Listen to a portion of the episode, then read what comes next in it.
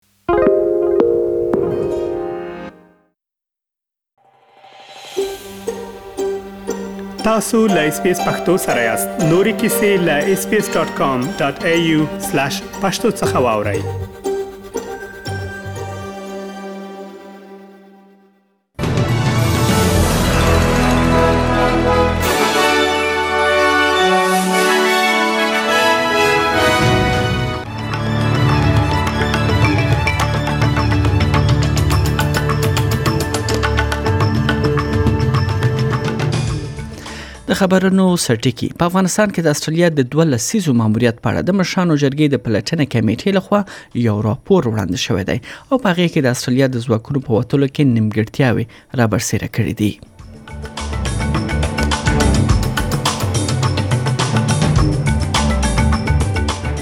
بلخوا د یاد رپورت سملاسي وروسته د استرالیا حکومت اعلان وکړ چې افغان کډوالو ته به 15000 ویزې ورکړي البته دغه ویزې په راتلونکو سلورو کلونو کې دوی ته ورکول کیږي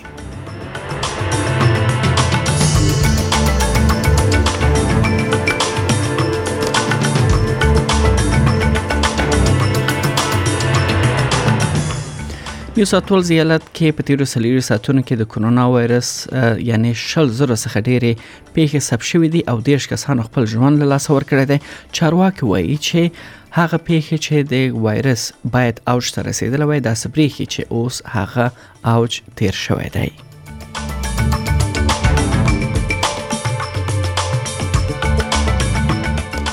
او بل خو د طالبانو پلاوی اروپאי چارواکو او هم افغانانو سره د خبرو لپاره دوی ناروی ته زی چې ناروی به د افغانستان پر سر باندې د خبرو کوربتوب کوي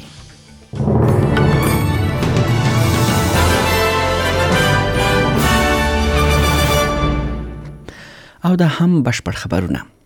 په افغانستان کې د استرالیا د دوه لسیزو ماموریت په اړه د مشرانو جرګې د پلټنې کمیټې لخوا وړاندې شوی پارلماني رپور کې لدغه هیواده د استرالیا د ځواکونو په وټلو کې نیمګړتیاوې را برسېره کړې دي دغه راپور چې 222 مخونو سند دی د اړیکو ناکامۍ او هم لند لس شوی پلانونه په ګوته کوي او هم هغه افغانانو چې لاسرلي ځواکونو سره په افغانستان کې کار کړی دی د غوي شاته پاتې کول هم یو سره سونځه په ګوته کوي راپور دا وړاندیز کوي چې فدرالي حکومت د افغانستان په ماموریت کې د اصلیا د ښکیلتیا بشپړ لګښت څرګند کړي او د کلونو جګړو لامل بې ځای شوی د بیا میشتدنې لپاره باید استرالیا ډیر څه وکړي راپور د تیر اگست په میاشت کې د افغانستان له پلازمینې څخه د بیړنی وټلو مهال ویشته اشاره هم کړې ده کوم چې د ناامیدۍ او ګډوډۍ صحنه پکې رامنځته شوې دي یا راڅرګند شوی وو بلخوا د استرالیا فدرالي حکومت په پام کې لري چې په راتلونکو سلورو کلونو کې د خپل بشري او هم کورنی ویزو پروګرام لارې لږ تر لږه 15 زره افغانانو ته ځایونه ورکړي دا د پارلماني راپور په تعقیب کې له افغانستان څخه د استرالیا په وټلو کې نیمګړتیاوې په ګوته کوي چې څنګه د ارتباطاتو ناکامي او لن لید پلار یعنی جوړونه ډیری هغه افغانان شاته پریخي دي کوم چې باید استرالیا له افغانستان څخه وستلی وای د ماجرات وزیر الکس هاک په یو بیان کې ویل چې اعلان شوی ویزه کې به د افغانانو اتباو لپاره یعنی لزر زایونه او لګ تلګه 15000 د کورنۍ غړو یو ځای کولو لپاره به په دې کې ویزې شامل وي خغله هاک وایي د افغانستان جګړه د استرالیا تر ټولو اوږده جګړه و او دا کار له افغانانو یا کډوالو سره دغه هیواد د ژمنتیا څرګندونه کوي بیا په عین وخت کې د استرالیا گرینز ګوند اندېښمن دی چې د افغان اتباو لپاره ټاکل شوی ویزې په کافي اندازه نه دي د گرینز مهاجرت او تابعیت ویان سناتور نیک مکیم وای استرالیا له اخلاقی پلوه مکلفه ده چې د افغانستان په اشغال کې د استرالیا د ونډې لامل دوی ته نور ځایونه ورکړي هغه وایي دا پریکړه د استرالیا په بشري پروګرام کې نوې ځای نه جوړوي بلکې د استرالیا د کډوالۍ کلنۍ پروګرام لاندې افغانانو ته ویزې ځانګړې شوې دي چې دا بسنه نه کوي نو موري وایي حکومت باید د شته پروګرام سربېره شل زره اضافي ویزې افغانانو لپاره اعلان کړي What the government should be doing is creating an extra 20,000 places to protect people from Afghanistan in addition to our annual humanitarian intake, not as part of our annual humanitarian intake. And that would mean that we could look after enough people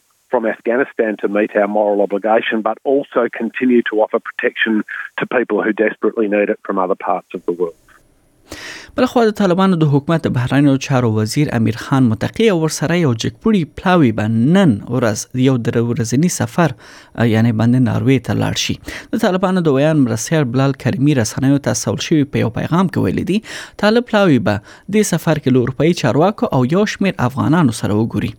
د ناروی چارواکو هم د دوی سفر پخلای کړی دی او وايي له طالب پلاوي سره د خبرې اترې به د یکشنبه په ورځ پیل شي او د ګڼو هیوادونو د سازو په ګډون به یو شمیر افغانان هم په دغه یعنی ناسو کې ګډون ولري د دې هیواد د بهرانه چارو وزارت ویلي دی په افغانستان کې د بشري ناورین مخنیوي به د خبرو یعنی مهمه اجنډا برخه وي بیرته به راشو استرالیا ته نیو ساوت ولز ایالت په تیرو څلورو ساعتونو کې د کرونا وایرس شل زره او یو سل اته څلوېښت نوې پیښې ثبت کړې دي او دیرش کسانو بیا همدې موده کې خپل ژوند له لاسه ورکړی بلخوا د ښوونځیو پیلېدو نیټې نږدې کېدو سره والدین د حکومت د هغه پلان اوریدلو ته انتظار باسي چې ماشومان ښوونځي ته ستنېدل خوندي وساتي په یو میاشت کې د لومړي ځل لپاره د دوه پله پسې ورځو د شمیرو یعنی ټیټېدو وروسته نن روغتون کې د بسر شو کسانو شمیر یو ځل بیا ډیر وښودل شو دا مهال 2222 کسان روغتون کې درملنې لاندې دي د نیو ساوت ولز ایالت مشر ډومینیک پروچټ وایي چې روغتون کې د بسر شو کسانو شمیر لږ او هم د مړینې کچه ټیټه ده چې دا ټوله کې یو ښه خبر دی It's very pleasing and reassuring to see uh, that we are operating uh, within capacity on our best case scenario. And that's uh, incredibly pleasing. And the key to that, the key to that success has been the vaccination program in our state. We made that change recently in respect of bringing forward uh, the period of time uh, from your second dose vaccination to your booster shot from four months to three months. That means that there are many people now eligible right across our state to receive that booster shot. My, my بلخوا بیا ویکټوریا ایالت د کرونا وایرس 14014 نوې پیښې ثبت کړې دي او شلو کسانو بیا خپل ژوند له لاسه ورکړی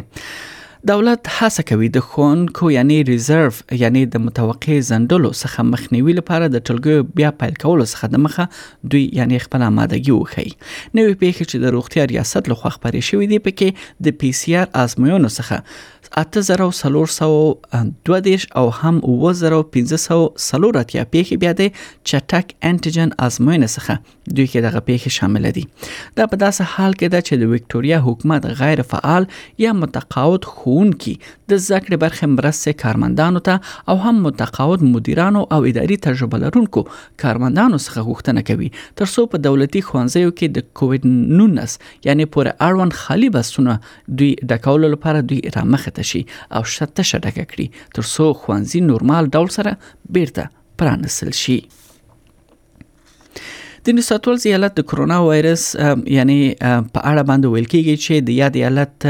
ماډلنګ ښایي چې د یاد ایالت د وړاندوینو څخه داسې بریښي چې د اومیکرون وایرس تر ټولو لوړه کچه پیښې یا اوج تیر شوی دی د مړینې لوړ شمیر سره سره په نیو ساتول ایالت کې په کرونا وایرس اخته کسانو او هم روغتون کې به سرشو کسانو شمیر کم دی بیړني خدماتو ته هم د زنګ وهلو شمیر کې کمی لیدل کیږي او د سوپرمارکیټ الماری بیا ډکېدو حال کې دي تمه کیږي چې د مړینو شمیر به هم په دوه ونیو کې یعنی راټیټ شي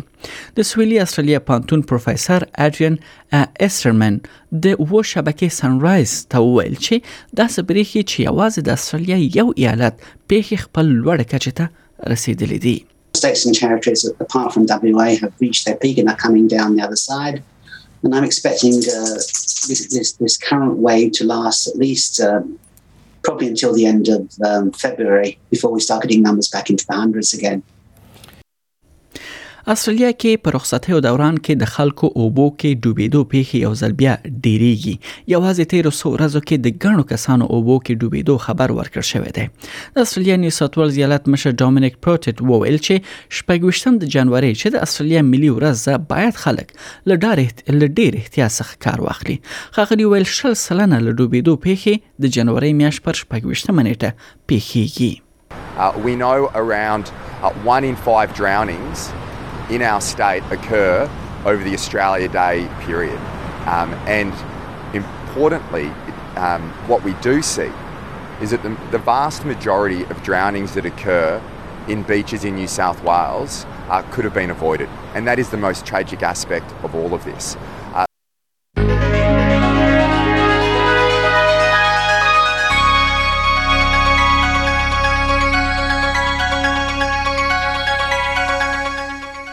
او دا هم یو سپورتي خبر د افغانستان او هالند ترمنځ کرکټ دریو یو ورځنۍ لوبه لومړی سیالي کې افغانستان هالند ته په شپږ دیرش منډو ماته ورکړه دغه لوبه چې د افغانستان په کوربتوب د قطر پلازمین دوحه کې ترسره کیږي هالند یې پرونی لوبه د پچې لګټلو سره لومړی د توپ اچولو پریکړه وکړه افغان لوبډلې د ټولو 50 اورونو له لوبې وروسته د اتو وکټو په زیان یعنی 222 منډه وکړي او هالند ته د 223 منډو هدف وټاکه چې هالند ونه توانید چې دغه هدف ته ورسیږي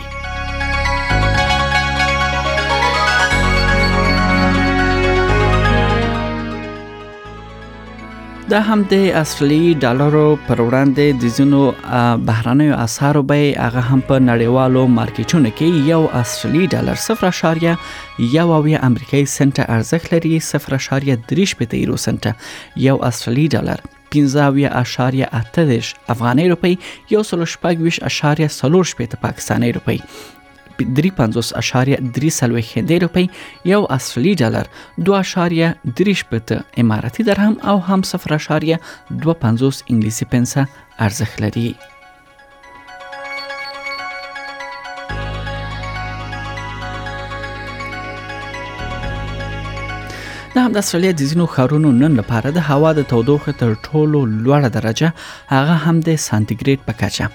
سیدنی کې هوا باراني ده لوړه درجه 26 سانتیګریډ اټکل شوې ده په ملبورن کې هوا لمریزه ده 3 دیش په برزبن کې هوا باراني ده 28 په پرت کې هوا ګرمه ده سلويخت په اډلیډ کې هوا باراني ده 28 په هوبارت کې هوا باران اسمان البته برګ دی لوړه درجه 25 سانتیګریډ اټکل شوې ده په کمبيرا کې هوا لمریزه ده شپږ ویش او په اخر کې ډاروین هلته هوا باراني ده او د طوفان اټکل دی او د تودوخه تر ټولو لوړه درجه 2 سانتیګریډ اټکل شوې ده